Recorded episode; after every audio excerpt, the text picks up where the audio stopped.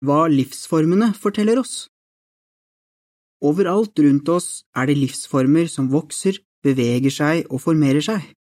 De gjør planeten vår veldig vakker, og i dag vet menneskene mer om levende organismer enn noen gang før. Hva forteller livsformene oss om hvordan livet oppsto? Her kommer noen fakta å tenke over.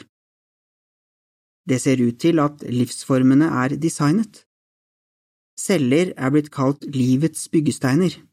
De er som ørsmå fabrikker som utfører tusenvis av ekstremt kompliserte oppgaver for å opprettholde og reprodusere liv.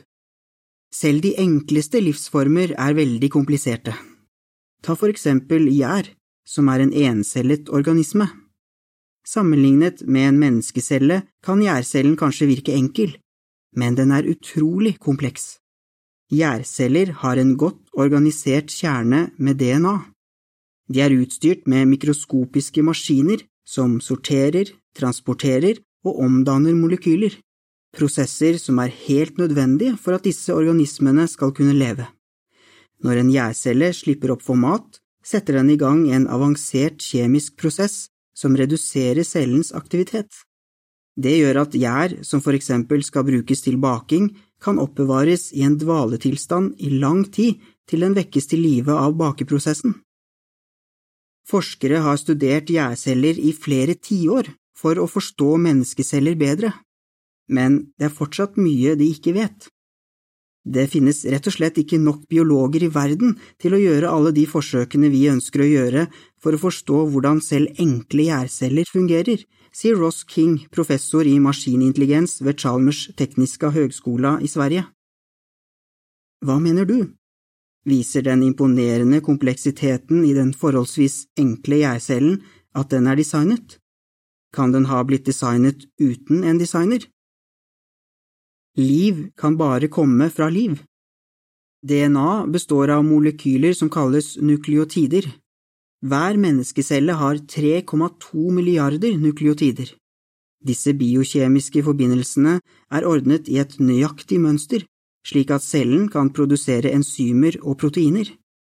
Sjansen for at selv den enkleste kjede av nukleotider skulle danne det riktige mønsteret helt av seg selv, er beregnet til å være 1 til 10 i 150. Et ett-tall med 150 nuller bak. Det ville med andre ord være praktisk talt umulig. Faktum er at det ikke er noen vitenskapelige forsøk som har bevist at liv kan oppstå spontant av livløs materie. Livet til menneskene er unikt. Vi mennesker har egenskaper og evner som gjør at vi fullt ut kan glede oss over livet, og det på måter som ingen annen art kan. Vi har avanserte sosiale ferdigheter, følelser og kreative evner. Vi kan nyte mange forskjellige smaker, lukter, lyder, farger og synsinntrykk.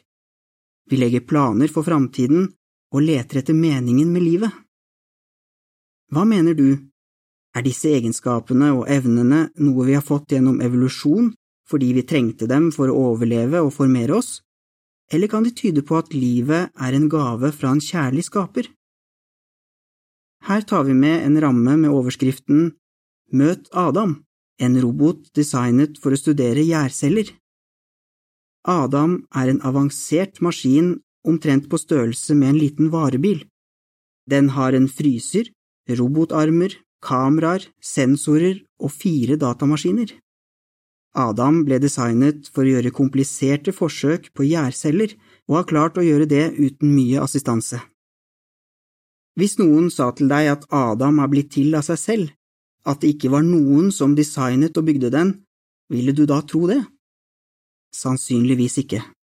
Men selv de enkleste levende celler er mye mer komplekse enn en robot. Hvis en robot må ha en designer, hva da med levende celler? Lær om flere fascinerende eksempler på design i naturen. Gå inn på jw.org og søk etter artikler og videoer som heter Står det en designer bak? Artikkelen slutter her.